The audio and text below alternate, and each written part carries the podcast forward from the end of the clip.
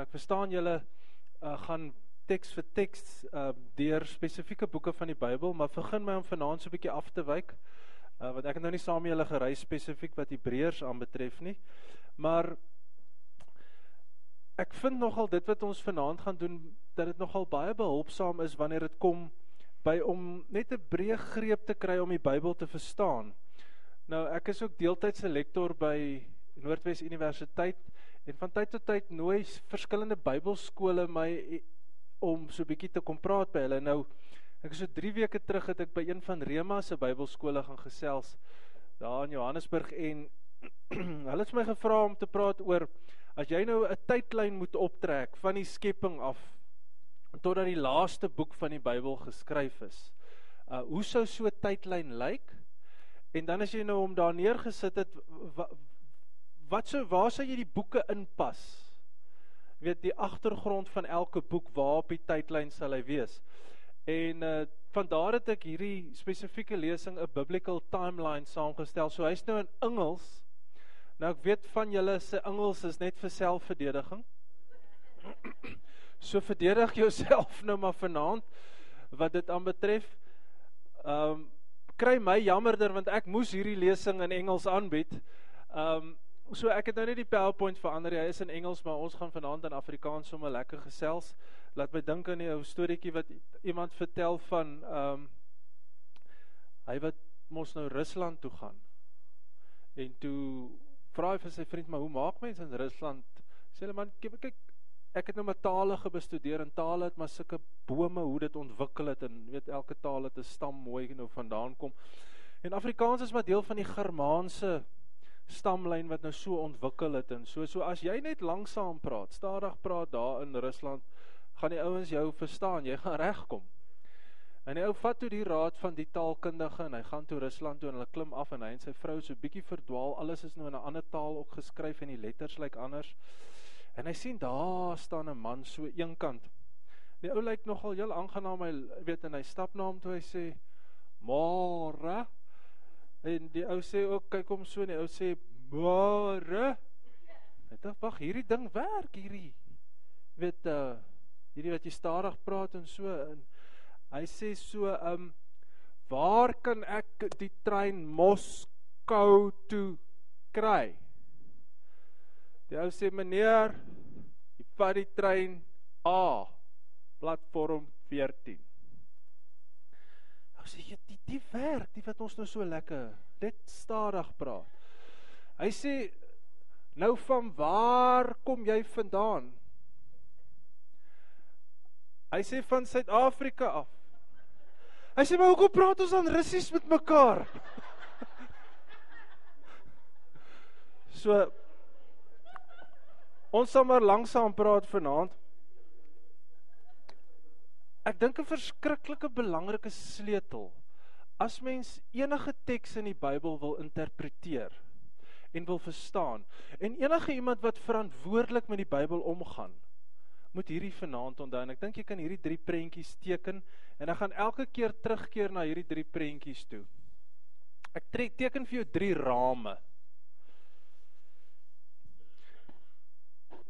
Die eerste raam, jy kan maar net so drie rame teken. Die eerste raam is wat ek noem 'n venster.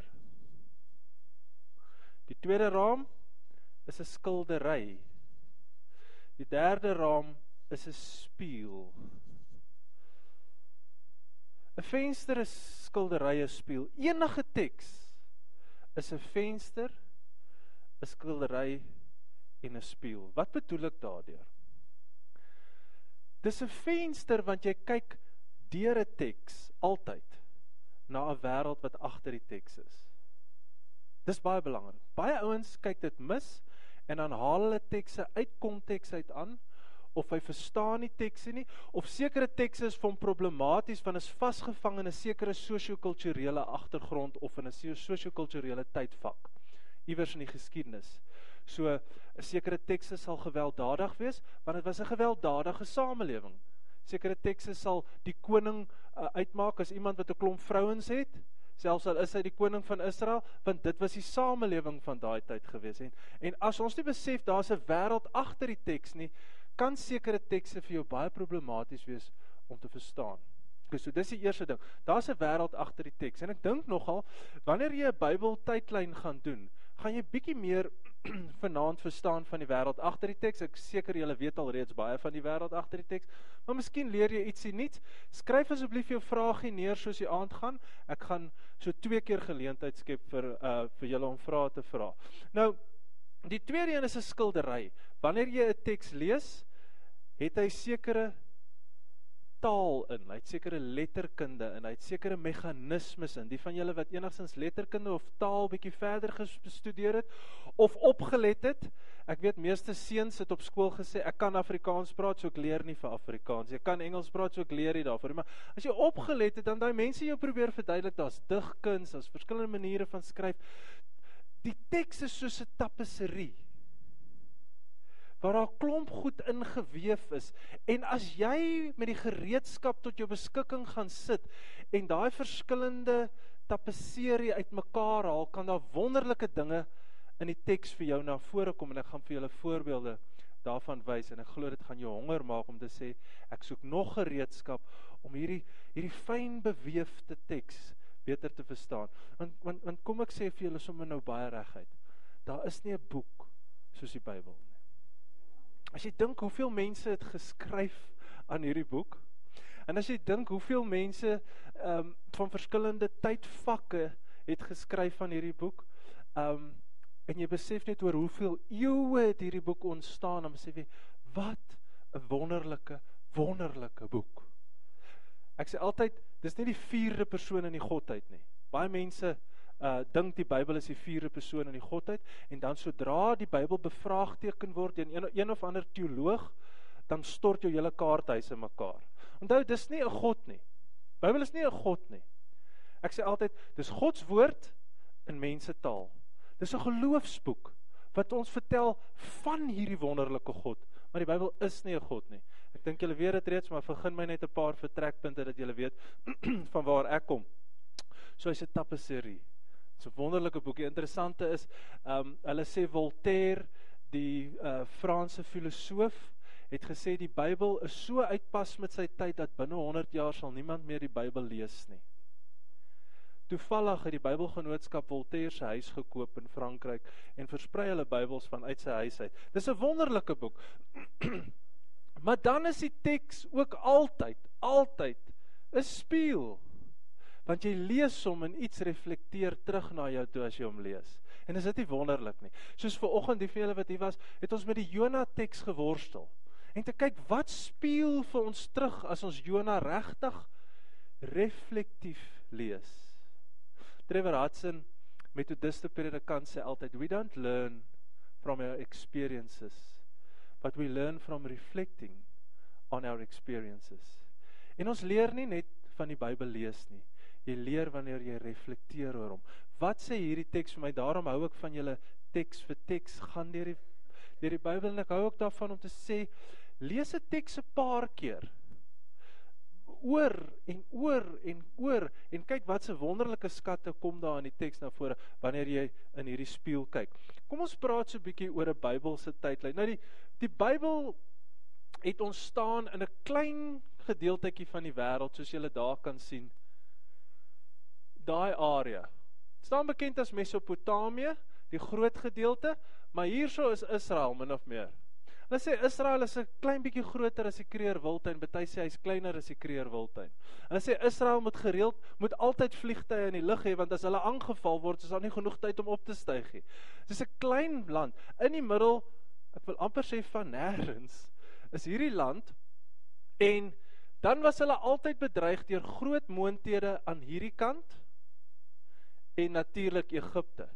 En wanneer hierdie moonthede besluit dis nou tyd om mekaar bietjie spiere vir mekaar te wys, raai wie was in die middel?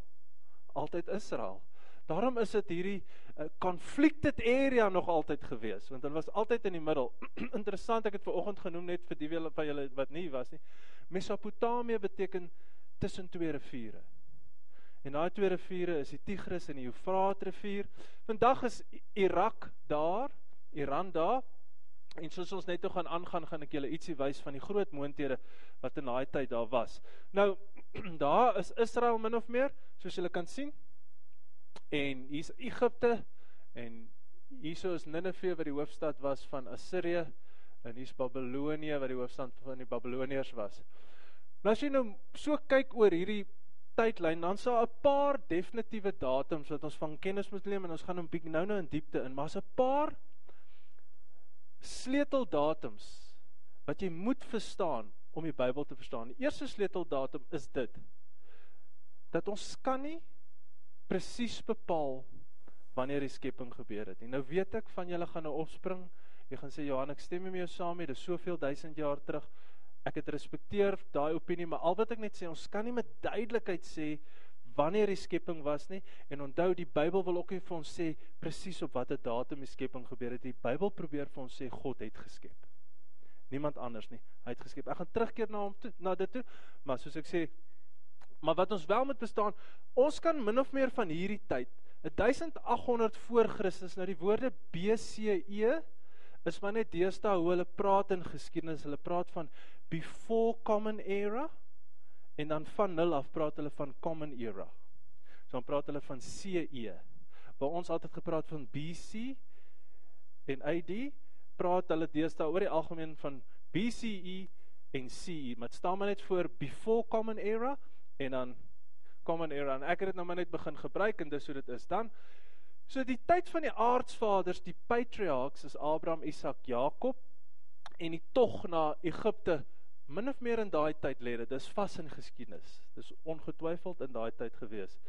Dan vind ons die uittog uit Egipte min of meer hierdie tyd en dan die vestiging in hierdie beloofde land. Eers mos die 40 jaar in die woestyn wat hulle reis in die woestyn en dan hoe hulle dan as stamme in die beloofde land intrek. Dis ook iets wat baie min mense nie besef nie.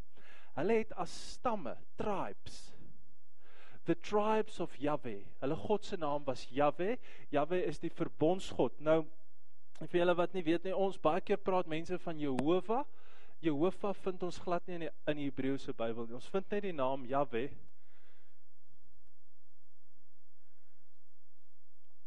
Yahweh is vier letters. Die Engelse Bybels is nogal lief om wanneer hulle die woord Yahweh vertaal, dit met Lord te vertaal maar al vier letters hoofletters te maak. Dan weet jy dis spesifiek Jahwe wat daar in die Hebreëse teks gebruik word.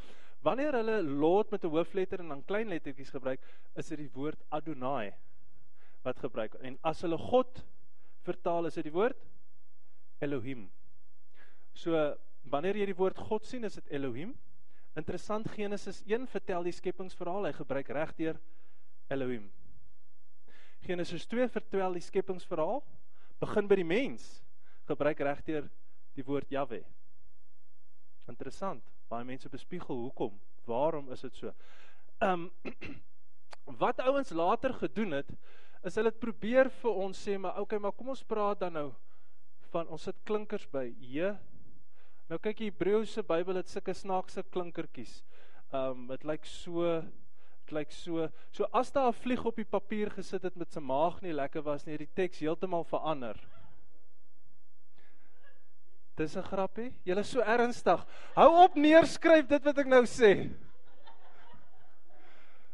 Maar toe het hulle J hoe va klinkers bygesit, maar eintlik is sy verbondsnaam Jahwe, 'n J, 'n H, 'n Waf en 'n H.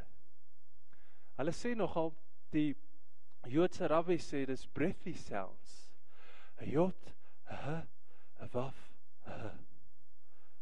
Want hy is asem. En as hulle sy asem sy naam uitspreek, was dit soos asem. En daarom die eerste ding wat in die mens inkom as jy gebore word in die dokter jou boutjie slaan is wat? 'n Jod, 'n h, 'n waf en 'n h. Sy asem. En wat is die laaste ding wat uit ons uitgaan as ons sterf? Is ons asem. Dis maar net 'n manier hoe die rabbies dit gesien het, gaan glad nie wetenskaplik bewys word nie. So die Jode geglo het. Maar wat 'n wonderlike manier om te glo dat ek asem hom in en ek asem hom uit. Dis 'n wonderlike oefening wat ek deesdae in my lewe doen is ek het 'n smartwatch, 'n Apple smartwatch. Nou hy sê elke nou en dan hy is smart, maar hy dink jy's dom. Weet jy of jy weet dis hoe 'n smartwatch werk. So hy sê nou en dan vir my time to breathe. Duh. kyk gally. Maar hy sê vir my time to breathe en dan sê dit you know some deep breaths can save your life en dan Maar wat ek nou begin doen het, ek het ek asem Jahwe in. Ek asem Jahwe uit. Ek asem. Is 'n wonderlike oefening. So 4, 5 keer 'n dag herinner hy my net daaraan, um, net om bewus te wees van hom. Of as jy by 'n verkeerslig stop, daar in die stad is dit belangrik om dinge te vind om jou besig te hou in die verkeer. Dan asem ek Jahwe in en ek asem. Maar okay, ek dwaal nou af. Um wat ek wil sê is.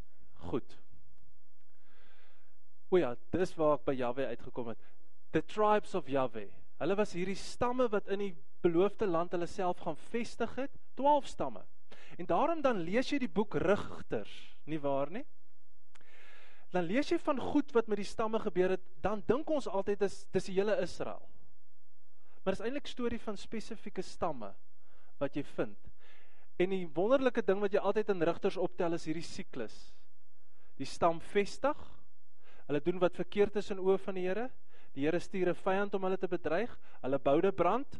Hulle sê Here help ons. Die Here stuur iemand. Dis 'n rigter. Hy red hulle. Hulle is op 'n wonderlike plek. Hulle doen weer wat verkeerd is in die oë van die Here. Die Here stuur 'n vyand. Hulle boude brand. Hulle vra Here help ons. Die Here stuur weer iemand. En so werk dit deur die hele boek Rigters. Tot en met Samuel wat algemeen bekend staan as die laaste rigter. Samuel. Die laaste rigter. En toe vra hulle vir 'n koning. En hierdie is 'n baie kerndatum 1050 voor Christus. Toe hulle eerste koning gekry het. En ek toevallig in my persoonlike Bybelstudie tyd is nou daar waar Saul net koning geraak het. Ehm um, waar hulle gevra het vir 'n koning. En dan 933 nog 'n belangrike datum is waar die koninkryk van Israel verdeel het in twee. Hierdie koningskap Hulle was een ryk en in 933 verdeel hulle in 'n noordryk en 'n suidryk. Noordryk Israel met 10 stamme, die suidryk twee stamme Juda. Hoofstad Jerusalem later. Noordryk se hoofstad Samaria. Baie van ons lees die Bybel en besef jy dis twee ryke nie. Hy sal baie keer sê in die 7de jaar van koning so en so terwyl die koning koning was in Israel. Maar bedoel hy eintlik in die Noordryk is is hoe hy hoe die geskiedenis homself probeer verifieer. Maak dit sin? So neem kennis, daar's 'n Noordryk en 'n Suidryk. Dis toe hulle verdeel het en raai kom het hulle verdeel. Al die ou mense moet nou hard amen sê, want die jong mense nie vir die ou mense geluister nie. Amen. Dan 721 is 'n belangrike datum, dis toe die Noordryk weggeneem is in ballingskap deur die Assiriërs. Die Assiriërs se hoofstad was Ninive. En Jonas speel af na hierdie tyd terwyl hulle begin die suidryk bedreig. Um dan 586 is dit wanneer Babelonie kom en hulle neem die die noordryk, die suidryk en almal oor. Want jy sien dit was hierdie moonthede wat wat opgestaan het en regeer het, was die Egiptenare en toe die Hittite en toe die Assiriërs, toe die Babiloniërs, ook bekend as die Galdeërs. As jy ooit van die Galdeërs lees in die Ou Testament, dit is die Babiloniërs. Toe die Babiloniërs en na die Babiloniërs lees ons van die Meders en die Perse. En na die Meders en die Perse, 'n man met die naam van Alexander die Grote wat die Griekse ryk gevestig het. En na hom toe gee hy sy ryk aan sy vier generaals en onder hulle was daar verdeling en toe ontstaan die Romeinse ryk. En so die een ryk na die ander ryk gekom. Ek dink baie van ons het op skool geleer van die Spaanse ryk, Bartolomeus Dias en toe die Britse Empire en die American Empire with the Great Wall. Um en ek dink China is besig om 'n nuwe moondheid te word. So daar's altyd wêreldmagte wat opstaan. En dan belangrike datum 539 wat die Persiese ryk aan bewind kom en Kores sê julle kan terug gaan huis toe. En hulle gaan almal terug na hulle huis toe en 'n 'n Esra en Nehemia speel 'n rol hier en 'n man met die naam van Seribabel het jy al daai woord gehoor? As jy Seribabel hoor, sê ek weet nie wie Seribabel. Seribabel is 'n leier gewees wat hierdie terugtog onder andere gelei het. En uh, Nehemia en Esra was deel van hierdie terugtog van hierdie klomp mense wat deel van 'n homecoming was terug na hulle land toe. En dan vind jy hier 'n tyd so min of meer van 331 Mense kan half sê Malagi, die einde van jou Ou Testament eindig daar so voor 331 tot en met die geboorte van Christus tussen die laaste hoofstuk van Malagi en eerste hoofstuk van Matteus is daar oor die 300 oor die 3 amper 4 eeue se stilte. Nie dat daar niks gebeur het nie. Interessante goed het gebeur. Onder andere die die die die rol wat die Makabeërs gespeel het uh Antiochus Epiphanes uh wat die Jode verdruk het, die ontstaan van die hele uh, ligte fees Hanukkah wat hulle nou nog uh, rondom Kersfees vier speel in daai tyd af. Daar's nie genoeg tyd om vanaand te gaan nie. Uh, Rinus gesê ek net tot 12 uur so. Ek gaan nie by daai vanaand stil staan. Maar in hierdie tyd het Alexander die Grote 'n rol gespeel in die ontstaan van die Romeinse ryk. En dan vind jy die Nuwe Testament wat hier begin. En die interessante is die laaste boek van die Nuwe Testament. Alles gebeur binne 30 jaar. Die eerste evangelie is min of meer so in die jaar 60 na Christus geskryf. Hulle is sterk oortuig dat dit Markus was. En binne 30 jaar vind al die briewe van die Nuwe Testament neerslag en word dit geskryf. So die Nuwe Testament se problematiek wat wat hulle met problematiek bedoel is sy wetenskap. Die bestudeer van die Nuwe Testament is baie keer minder kompleks as die van die Ou Testament want dit het in 'n korter tyd gebeur en ons minder genres. 'n Verskillende tipe boeke, jy het evangelies en dan jy geskiedenis wat bietjie geskiedenis is, dan jy Handelinge, dan jy sentbriewe en onder andere dan Openbaring wat ook 'n sentbrief is, maar wat net so 'n bietjie in kodetaal geskryf is. Daaroor wil ek my nie uitlaat nie, maar baie interessante goed oor Openbaring. So ek wil gou vinnig spring net deur hierdie tekste. Reg deur die geskiedenis wat God se mense altyd in die middel. Daar's 'n mooi prentjie van die Assiriese ryk wat eerste die ballingskap uh, 'n uh, rol gespeel het. Na hulle die Babiloniese ryk opgekom, min of meer waar Iran vandag is en hulle het gegroei en groter geword. Na die Babiloniese ryk het ons gekry die Persiese ryk en na die Persiese ryk Alexander die Grote se ryk. Uh interessant die Persiese ryk het baie ver gestrek. Hy het af tot in Sudan in Noord-Afrika gestrek. En Alexander die Groot het ook sy ryk probeer uitbrei en hulle sê Alexander die Groot het hom vasgeloop teen olifante in Indië. Die groote het hom vasgeloop teen 'n ander groote en hulle kon nie Indië verower nie want Indië se ouens was op olifante. Nou ek sal ook nogal hardloop as ouens in plaas van 'n perd olifante gebruik om my aan te val. Ehm um, en dan soos ons soms sien daar die Romeinse ryk ehm um, en dan vind jy in die tyd van Jesus is alles skielik een taal, een volk en dis die rol van Alexander die Groot. Hulle praat een taal, Grieks. Ehm um, daarom is dit ook die taal uh wat wat die hele wêreld op daai stadium gepraat. Tapaie was nog nooit so goed ontwikkel soos met die geboorte van Jesus nie as gevolg van Alexander die Grote en die Romeinse ryk. Daarom kan Galasiërs tereg sê Jesus was gebore in die volheid van die tyd. Want is asof die die verhoog van die wêreld gedek was vir hom om te kom met hierdie goeie boodskap van liefde en genade en sy boodskappers kon hardloop met dit reg oor die wêreld. Nou, miskien net vinnig om te sê die Bybel is is nie afgelewer deur angels.com nie. Die Bybel het 'n ontstaansgeskiedenis uh wat deur verskillende outeurs geskryf is uh oor meer as 10 eeue. Die Bybel is nie 'n 'n 'n teksboek van die geskiedenis nie.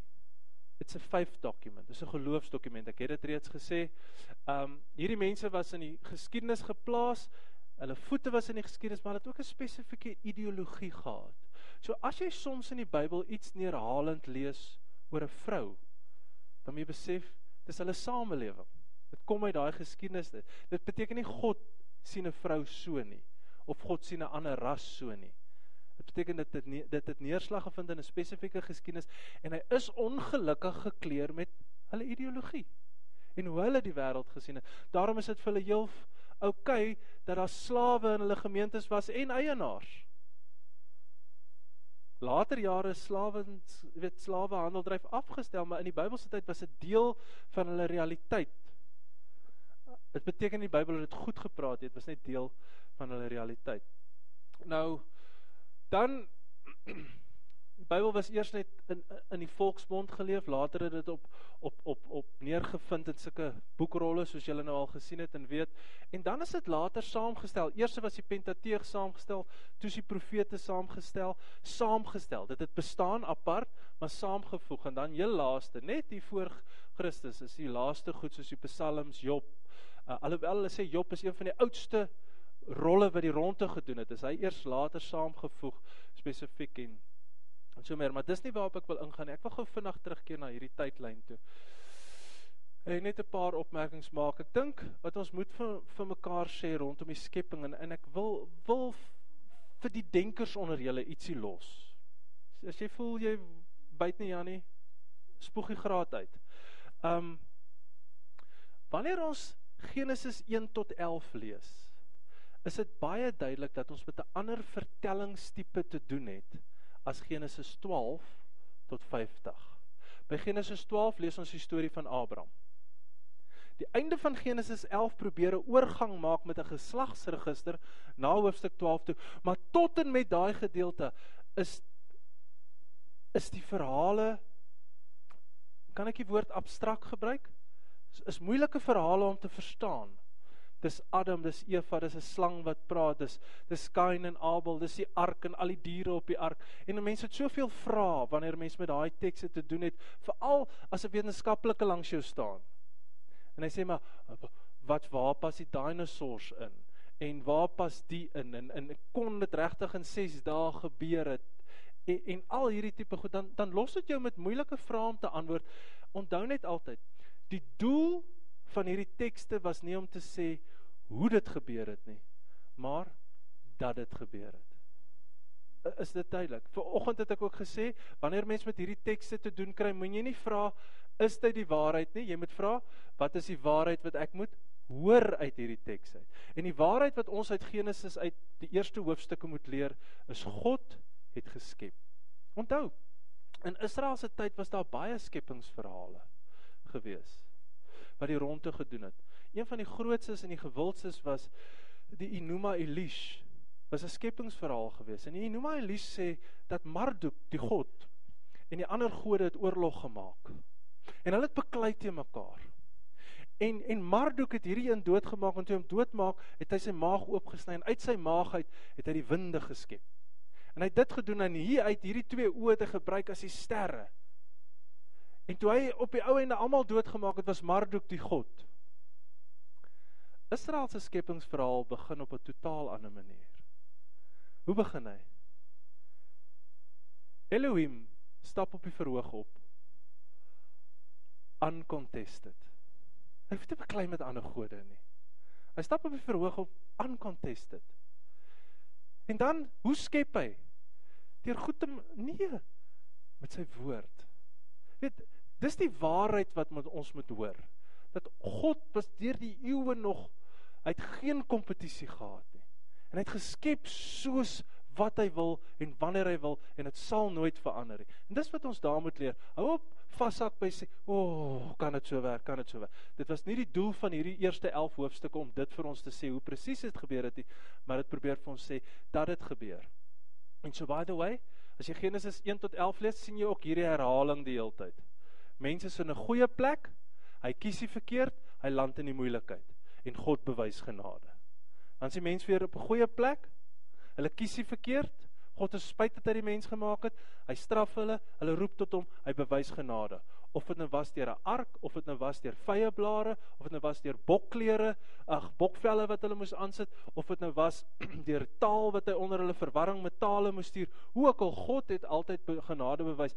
En as die mens wat elke keer gekies het om uit die paradys uit te gaan as gevolg van sy eie slimheid en God wat hom moet red, dan vra ek vir jou, moenie vra of dit gebeur het nie. Wat ons eintlik moet vra, gebeur dit nie dalk nog steeds nie? Met God kies vir ons 'n tipe lewe, maar ons kies heeltyd 'n ander lewe in 'n ander plek.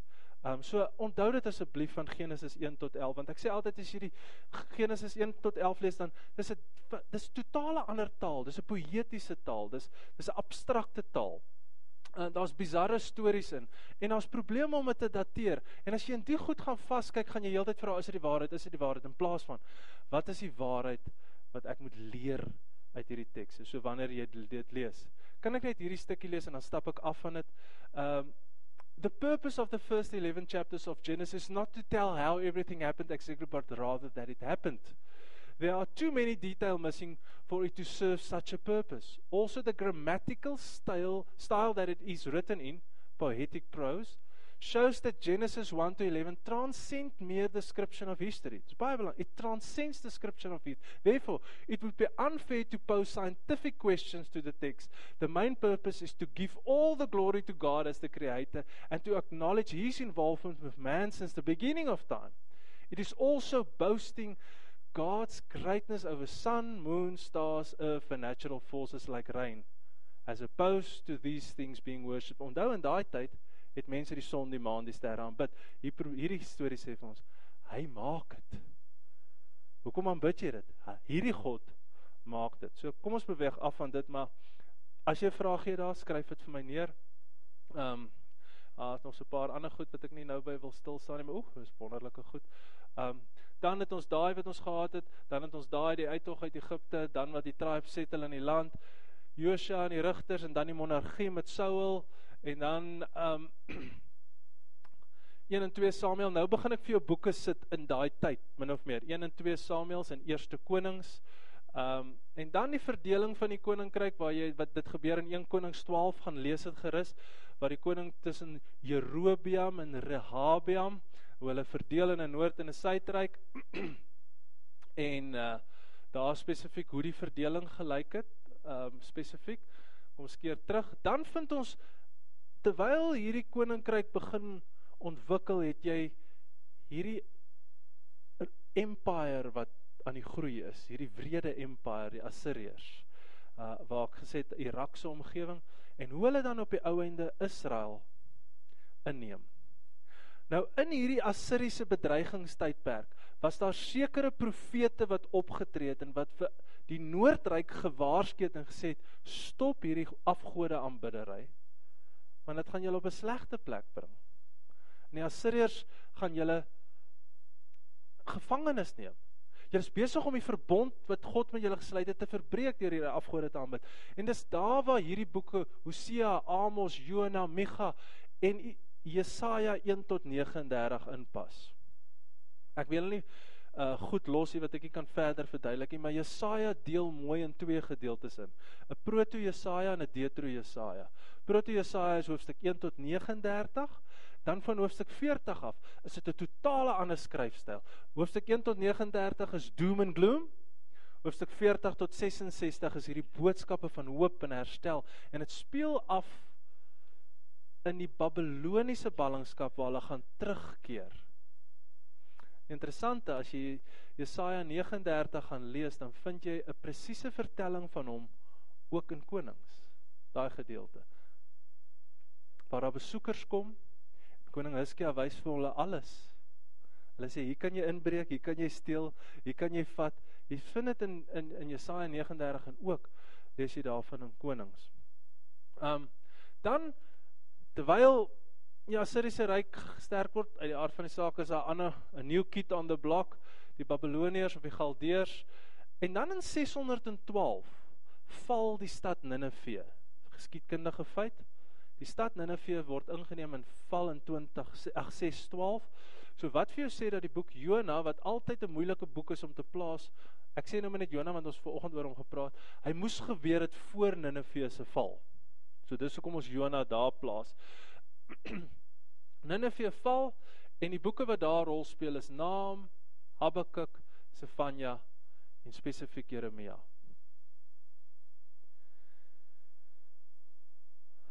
Dan begin Juda in in ballingskap ingaan in 597 is die sogenaamde eerste ballingskap die ballingskap van koning Jojagin wat wat die Babiloniërs Jerusalem beleer en hulle neem net die slim mense almal wat 'n ambag het, almal wat kon lees en skryf, al die priesters, almal van die koninklike huis, neem hulle saam met koning Jojagim in ballingskap. Hulle vestig hulle by die rivier Kebar. Hulle het ballinge by die rivier gehou want daar kon hulle wasgoed was, daar kon hulle water kry.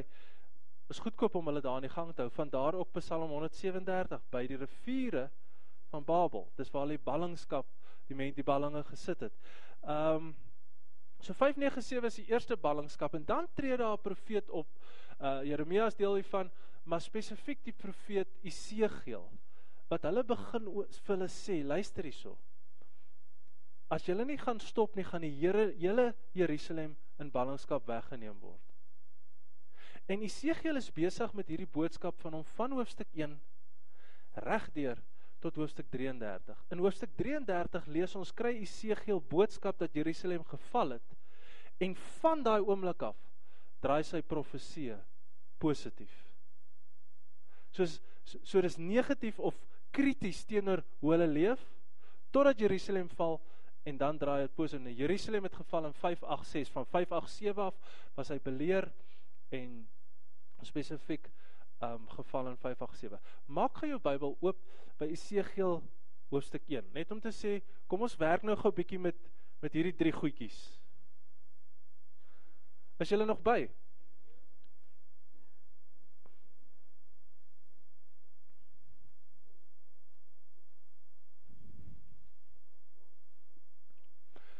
As jy Esegiel soek, dis daar by jou Bybel so moeilik blaai. Daar. Dis daar waar jy hom vind.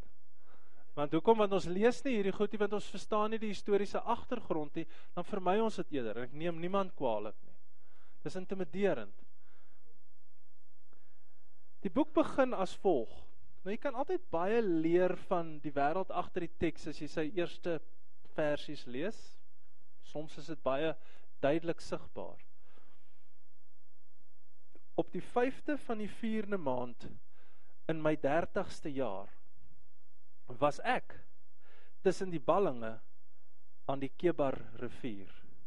OK, so wat lees ons? Daar's 'n daar's 'n datering. Hy's 30 jaar oud. Um hy was deel van die ballinge by die Kebar rivier. Watter ballinge was hy? Vers 2 begin. Dit was op die 5de van die maand en dit was die 5de jaar van die ballingskap van koning Jojagin.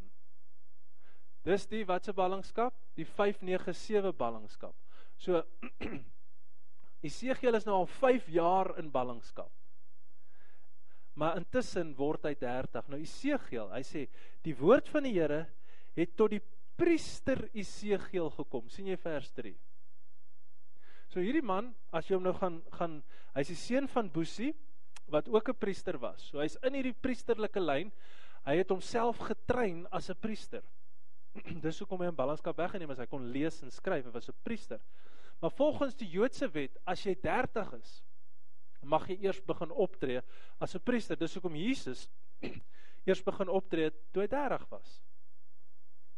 So op sy 30ste verjaarsdag, daai dag wat jou vrou vir jou die koek inbring met die 30 kersies op en sê nou kan jy 'n priester word, nou graduate jy, sit hy by 'n rivier as 'n balling.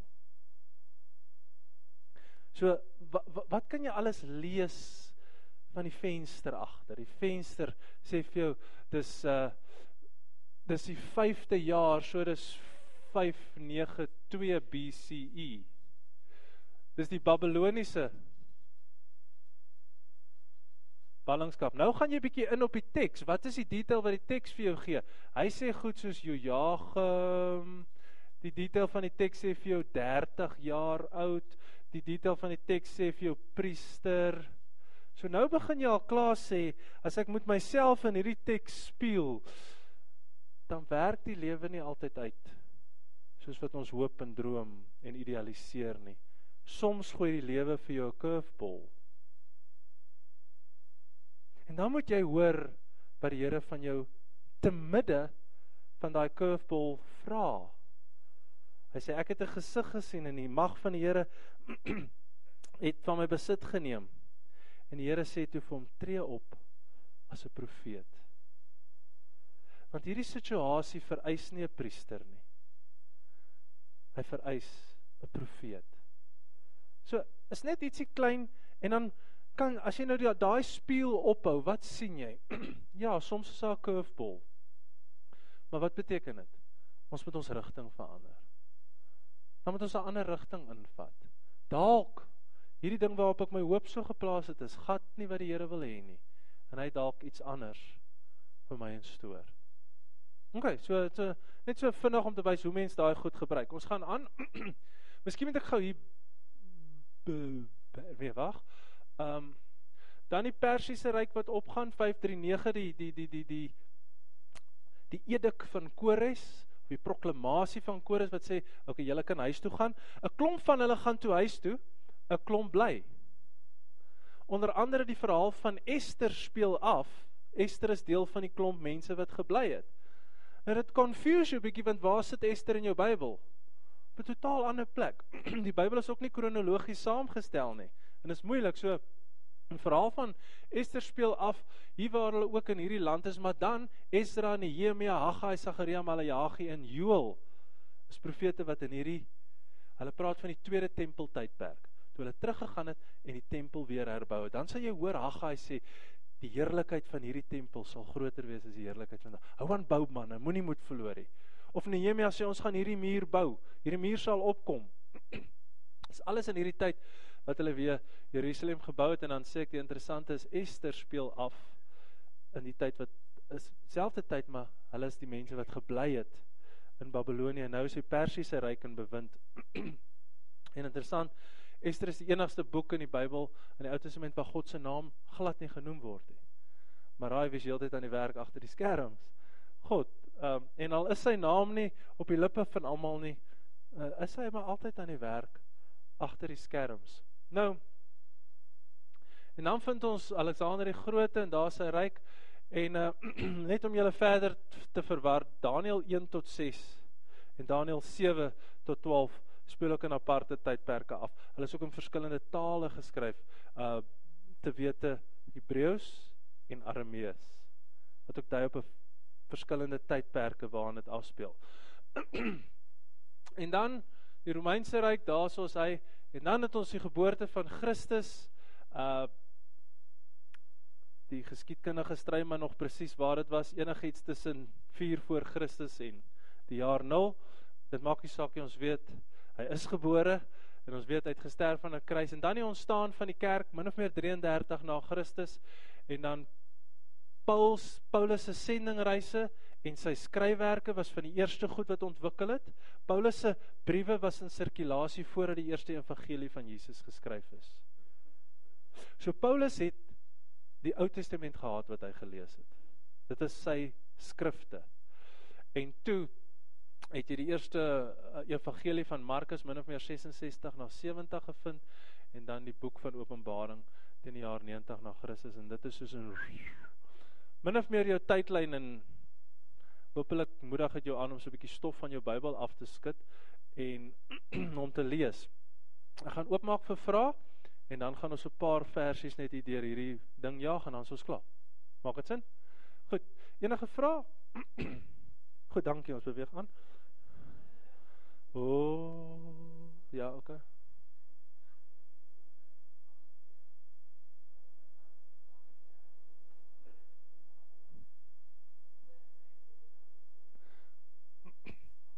Common, met ander woorde hedendaags, alledaags.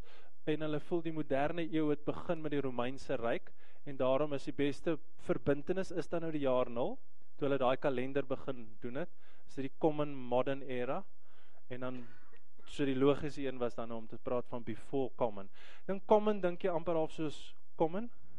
Daai mense is common. Soos my ma het altyd so gemaak as sy mense sien wat common is, dan klop sy so. Dan sê my pa common. So maar as dit is basies die moderne era that is commonly known to us. Antwoord dit jou vraag. Nog 'n vraag?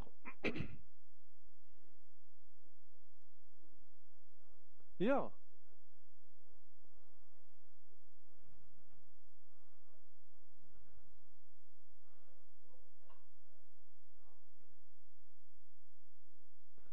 Korrek, ja.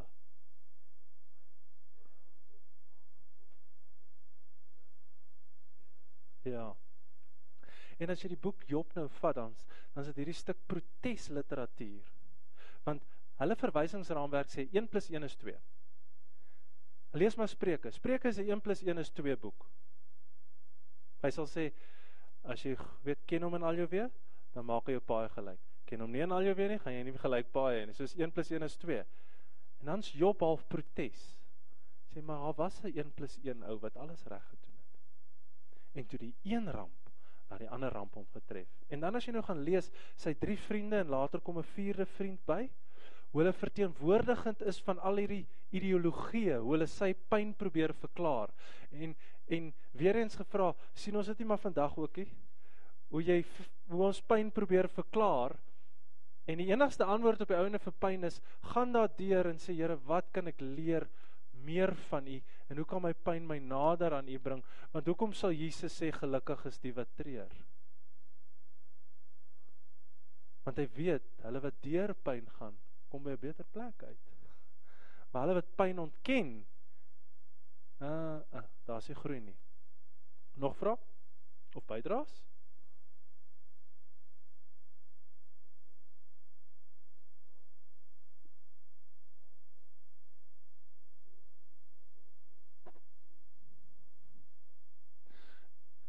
Ja, en ek baie dankie. Net bang ook mens mens los verwarring.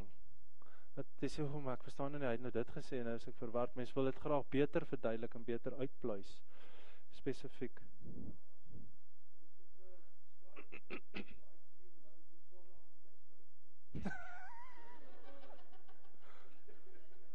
Chris. Ehm um, kom ons kyk gou 'n bietjie weer na hierdie vensterskildery spieël. Ehm um, een van my gunsteling tekste is is om te lees is klaagliedere. Ehm um, so maak gou by klaagliedere oop en dan kyk ons gou-gou deur die venstertjie. Dan kyk ons hoe lyk die skildery. En dan kyk ons wat sê die spieël.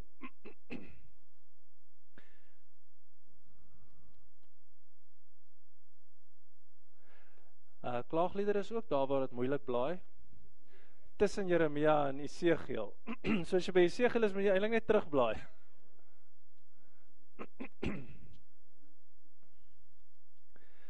OK. Klaagliedere is is geskryf as as klaaggedigte. Nou met klaag beteken dit huilgedigte, ongelukkige gedigte. Die Engelse woord lament van daardie Engelse woord lamentations. so dis 'n is 'n klaaglied. Psalm 137 by the rivers of Babylon is 'n klaaglied.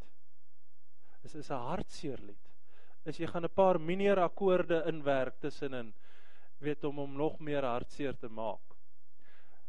So klaagliedere is geskryf net nadat Jerusalem geval het in 586. OK? So. Vergeet nou gou wat ek daarvan die segel so die venster sê net na 586. So Jerusalem is ingeneem. Vroue is verkragt Mans is weggevoer en gesinne is geskei van mekaar. Kinders en babas is aan hulle voete gevat en teen mure doodgeslaan. Dis die realiteit van klaagliedere. Dis die venstertjie. Bybel is nie altyd 'n mooi venster nie. Dis mense wat baie swaar gekry het. Maar nog steeds het hulle aan hulle God vasgehou. En baie keer kry ons nie die helfte so swaar nie. Ons het hierdie wegloop voete van hom af. Wat is die venster? Lees net, lees net vers 1 dan. Ag, hoe verlate lê die stad wat vol mense was. Kan jy die hartseer hoor? Ons lieflingstad. Ons het amper gesê Jerusalem sal nooit val nie. Want Jerusalem staan vir die Here se vrede. Salem beteken vrede. Jeru Salem. Dis God se Shalom kan nie val nie. Ons is sy mense, hier val hy. Sy het soos 'n weduwee geword, sy was magtig onder die nasies. Sy was wat heerskappy gevoer het oor ander moet nou dwangarbeid doen. Onbedaarlik huil sy die hele nag, die trane loop oor haar wange. Vers 3: Juda is weggevoer. Hulle kry swaar Juda 586 ballingskap. Hulle slawe, hulle sit tussen vreemde nasies waar hulle geen rusplek kry nie. Hulle agtervolgers wat hulle ingehaal het en in die noutes vasgekeer het. Die paaie na Sion berg van die Here te treur omdat daar geen feesgangers was nie. Hierdie feesgangers het jaarliks opgegaan na Sion en dan sing hulle al hierdie pelgrimspsalms. Onder andere as hulle deur die berge loop, daar waar dit gevaarlik geraak het, dan sê hulle ek slaan my oë op na hierdie berge. Waar gaan my hulp vandaan kom? Weet hulle, skielik gaan niemand meer Sion toe nie. So dis hierdie hartseer klaagpsalm. Maar die interessante is, as jy gaan kyk na die skildery van klaagliedere, dan sien jy 'n kunstig aan mekaar gewefte stuk digkuns. Kyk gou vir my hoeveel verse het Genesis ag het hoofstuk 1. 22. Hoeveel verse het hoofstuk 2? 22. So ons sien 22. En hoeveel het hoofstuk 3? 66. 22 maal 3 is 66. Hoofstuk 4 22. Hoofstuk 5 22. Hoeveel letters het die Hebreëse alfabet? Jy het geraai. 22. Nou as jy hom in Hebreëus gaan lees, dan kom jy agter dat elke versie, hier's dit nou. Elke versie begin met die volgende letter. Die eerste woord se letter is die opeenvolgende letter van die Hebreëse alfabet. 'n Akroniem, julle ken 'n akroniem? So letterlik, die eerste versie begin met 'n alef. Die tweede versie begin met 'n beet. Die derde versie het 'n gimel, dan 'n dalet, dan 'n he, dan 'n waf, 'n zayin, 'n geet, 'n teet, 'n mem, 'n samek en so gaan hy aan vir vir 22 verse. Hoofstuk 2. Eerste vers begin met 'n alef, die eerste woord. Die tweede vers begin met 'n beet. Hoofstuk 3. Se eerste 3 verse begin almal met alef. Se 4, 5 en 6 begin almal met beet. 7, 8, 9 begin almal met dalet. En so vind jy nou weer hoofstuk 4 22 half beetjie maar gaan so en so ook hoofstuk 5. Dis asof hy wil sê Juda ons heil. Maar tussen al hierdie chaos is God se ritme en God se orde. En die hoop sal nie beskaam nie. En in die middel van hoofstuk so amper soos 'n hamburger sit hy sy drie verse van hoop. Daarvan waar ons die lied kry the steadfast love of the Lord never ceases. His mercies never come to an end. They are new every morning, new every morning. Great is thy faithfulness, soos 'n alef, soos 'n beet, soos 'n gimel, soos 'n dalet. Wonderlike goed wat binne in die skildery van die teks is en dan as jy gaan speel dan hoor jy dit wat ek nou gesê het dat al is daar chaos soms by God is daar altyd orde. Is daar altyd beheer. En is daar altyd faithfulness wat deurkom. Maak dit sin? OK ehm um, wat van 'n bekende psalm? Psalm 23 kom ons lees hom.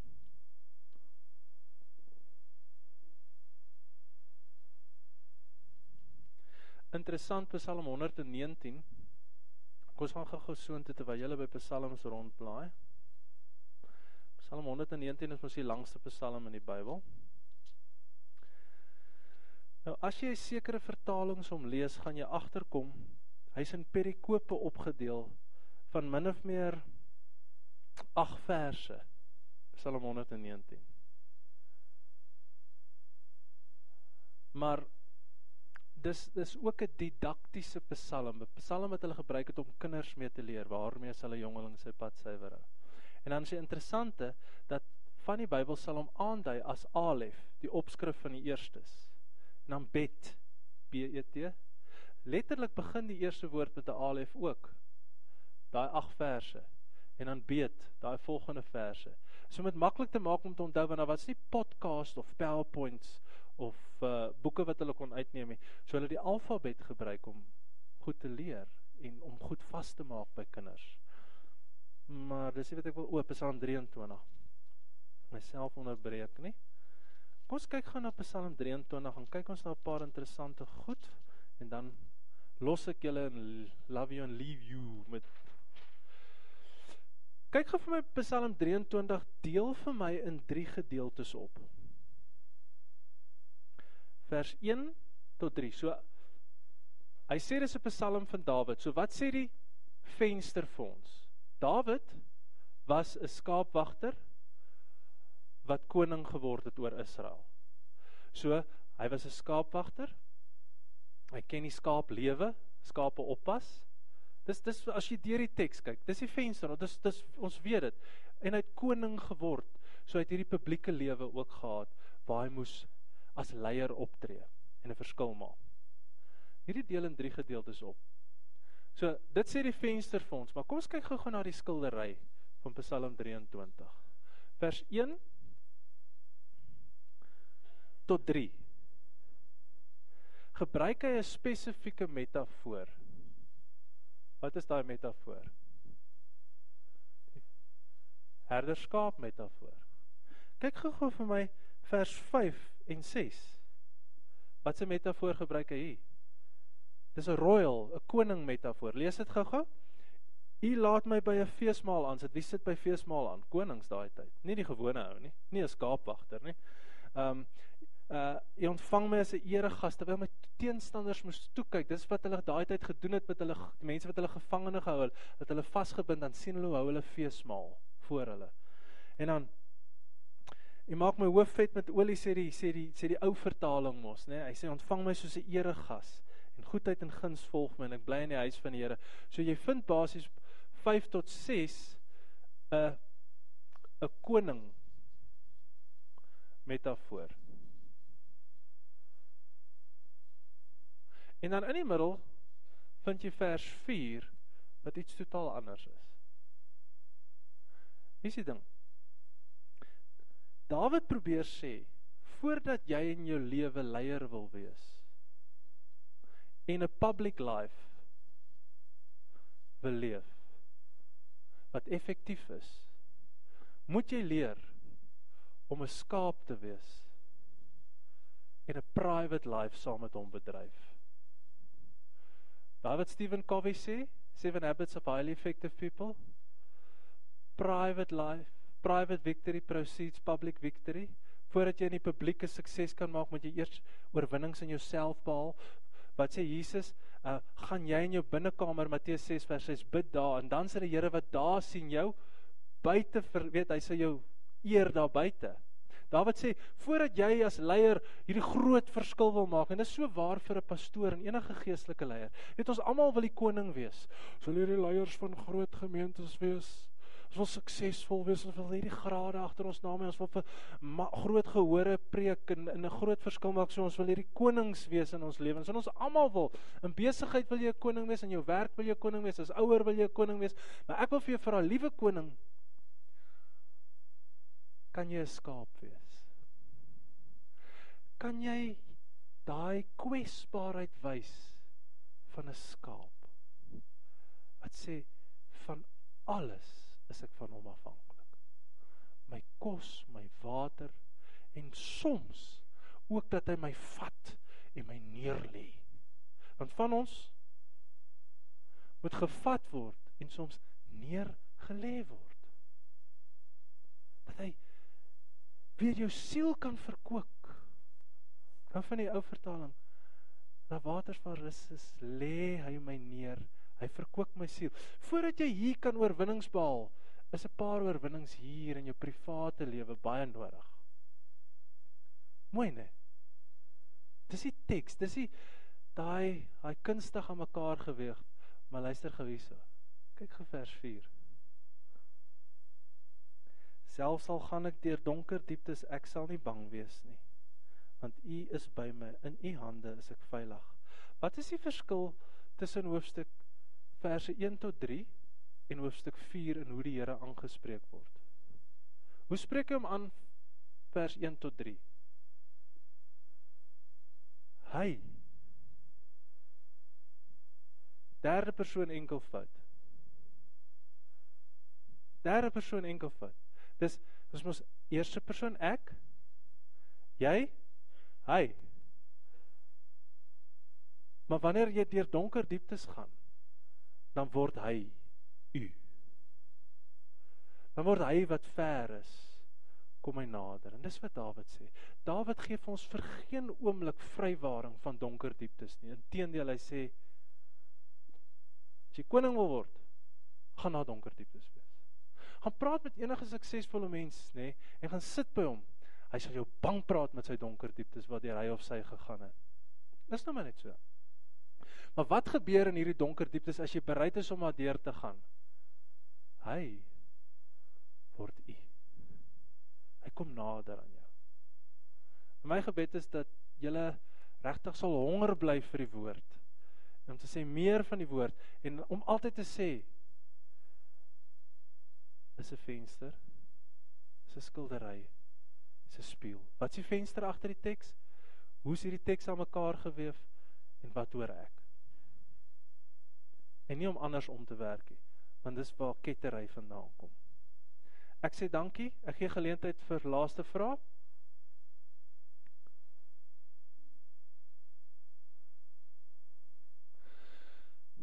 Dankie dat julle na my geluister.